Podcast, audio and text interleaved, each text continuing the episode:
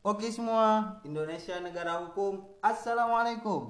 Kembali lagi ke podcast saya, podcast Dua Sudut Pandang. Kali ini kita ditemani kembali lagi dengan teman saya yaitu Ferry Mali. Halo, jumpa lagi. Saya Ferry dari Medan. Di sini kami ingin bincang-bincang mengenai topik yaitu TV dan generasi milenial. Kan TV dan generasi milenial ini lagi hangat-hangat nih dibicarakan. Mungkin menurut Ferry sendiri gitu, sering nggak sih nonton siaran televisi? Aku gitu nonton. Ya, Eh, kalau sekarang, untuk sekarang jarang gitu bisa dihitung. Kayak seminggu itu jarang banget. Kayak hampir nggak pernah gitu buka TV gitu sih. Apalagi kayak kita gitu kan, anak kos yang nggak punya TV gitu kan, Iya, bisa oke. dibilang Jarang, bahkan nggak pernah gitu. Udah bisa dihitung lah buka TV. Buka Kan- siaran nonton siaran TV gitu. kan kita bilang kita jarang nih buat nonton televisi. Kenapa sih alasan Ferry sendiri jarang nonton siaran televisi? Selain alasan nggak punya TV di kosan mungkin, apa sih alasan lain tidak sering nonton televisi? Ya karena menurut saya gitu kayak siaran TV sekarang tuh kayak kurang kurang edukasi aja gitu. Kayak lebih lebih lebih banyak sensasinya gitu, lebih ya efek negatifnya lebih banyak gitu daripada positifnya. Jadi kayak malas jadi buat malas nonton TV gitu karena buka siaran satu isinya sensasi dua sensasi gitu-gitu mulu jadi kayak ah untuk apa nonton TV gitu jadi malas aja gitu Tapi dari kata-kata dari Ferry nih men- menyatakan bahwasanya siaran televisi itu kurang adanya edukasi. Maksud dari kurangnya edukasi itu bagaimana gitu? ya kayak yang dibilang tadi gitu kayak lebih lebih banyak sensasinya gitu kayak kayak lu ada sensasi gitu bakal bakal ditampili gitu di acara-acara talk show talk show di TV-TV di siaran-siaran TV itu gitu. Lebih kayak eh, prestasi yang dimiliki bakal ketutup sama orang yang punya sensasi gitu. Jadi dipenuhi sensasi gitu TV itu jadi buat malas aja gitu generasi-generasi sekarang yang udah melek pada melek-melek melek-melek gitulah. Ya bisa dibilang gitu banyak juga sih yang menyatakan bahwasanya banyak generasi milenial yang bermain TikTok langsung viral gitu. oh, oh, benar Masuk ke dunia televisi gitu kan. diundang kayak Diundang. begitu muda gitu kayak goyang-goyang cuma goyang-goyang terkenal udah diundang gitu beda dengan televisi atau di dunia-dunia Hmm. luar gitu kan kalau eh, kayak di dunia luar gitu kan prestasi itu lebih utama gitu lebih lo lebih dipandang gitu karena prestasi daripada sensasinya kalau ada sensasi bakal tenggelam namanya bukan bakal naik. Kalau di sini kayak punya sensasi malah makin naik gitu. Namun nih kan tadi tadi kita bilang bahwasanya siaran TV itu dari segi negatifnya. Menurut Ferry Malik sendiri apa sih segi positif dari televisi itu sendiri? Siaran televisi itu sendiri?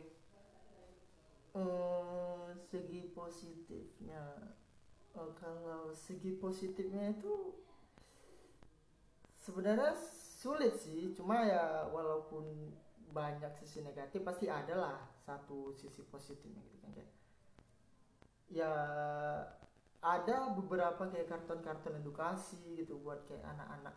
Masih ada lah beberapa ditayangkan gitu di beberapa stasiun TV kartun-kartun edukasi gitu. Kayak itu sih masih sisi positifnya oh mungkin itu sih dari Ferry ya kan dari segi positifnya. Mm-mm. Nah kita masuk ke YouTube nih, YouTube. kan banyak yang membandingkan siaran TV dengan YouTube yang menyatakan bahwasanya YouTube lebih baik dari TV gitu. Itu bagaimana menurut Ferry sendiri? Benar benar setuju. Setuju sih. Kayak kita kalau misalnya pengen aja gitu kan kayak kayak nggak punya TV nih di kos gitu kan nggak punya TV pengen sekali-sekali gitu eh lihat acara TV lah gitu. Misalnya ada acara-acara besar gitu acara-acara award gitu kan. Pengen. Ya bisa gitu lihat dari YouTube aja live streaming tanpa harus buka TV gitu. Jadi kayak kalau dibilang YouTube lebih baik dari TV benar gitu. Di YouTube juga kayak bisa nyaring gitu eh, konten-konten apa yang cocok untuk anak-anak gitu yang enggak gitu. Jadi kayak kalau di TV kan ya babras saja gitu semua gitu.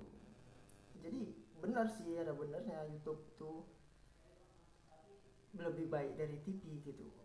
Ya ya gitu lah mungkin eh, timbul lagi nih masalah TV dan YouTube gitu kan tadi TV YouTube lebih baik dari TV nah kan apa sih saran dari Ferry gitu kan? Biar dunia pertelevisian ke mungkin ada ini ada saran dari Ferry atau setiap siaran itu ada batas umur yang harus ditayangkan begitu ya kalau saran kalau disebutin satu-satu tuh nggak ada habisnya gitu ya kan. Tapi ini kita ambil aja lah beberapa gitu kan. Kayak ya lebih lebih dibanyaki gitu lah konten-konten yang lebih berbobot gitu lebih beredukasi gitu. Terus kurang-kurangi kayak sensasi-sensasi di TV itu acara-acara talk show kayak kayak nggak nggak guna banget gitu. Kalau buat ditonton malah yang aturan buka TV dulunya itu buka TV buat lagi capek gitu pengen pengen refreshing gitu kan buka TV lihat acara-acara. Ini malah kayak makin capek makin panas otak dibuat gara-gara sensasi nonton nontonin sensasi-sensasi kayak gitu. Jadi ya kurang-kurangi lah sensasi gitu banyak konten edukasi gitu. Buat buat anak-anak juga kayak di bawah umur gitu. Gitu sih. Hmm. nah dari itu mungkin kita bisa sedikit mengambil kesimpulan bahwasanya TV dan YouTube sama-sama memiliki segi positif tergantung bagaimana kita mencerna dari siaran atau channel-channel YouTube yang kita tonton gitu. Mm-mm. Eh, mungkin itu saja sih bincang-bincang mengenai topik kali ini. Mungkin kita sudah dengar tadi dari sudut pandang teman saya Ferry Malik dan mungkin dari para pendengar podcast ini ada yang ingin menyampaikan beberapa pandangannya mengenai TV dan generasi milenial- boleh kok langsung sharing gitu. Dan saya ucapkan terima kasih kepada teman saya Ferry Malik sudah memberikan waktu, pikiran, tenaga gitu kan Mm. untuk bisa memberikan sudut pandangnya di podcast ini. Mungkin saya ucapkan terima kasih. Iya sama-sama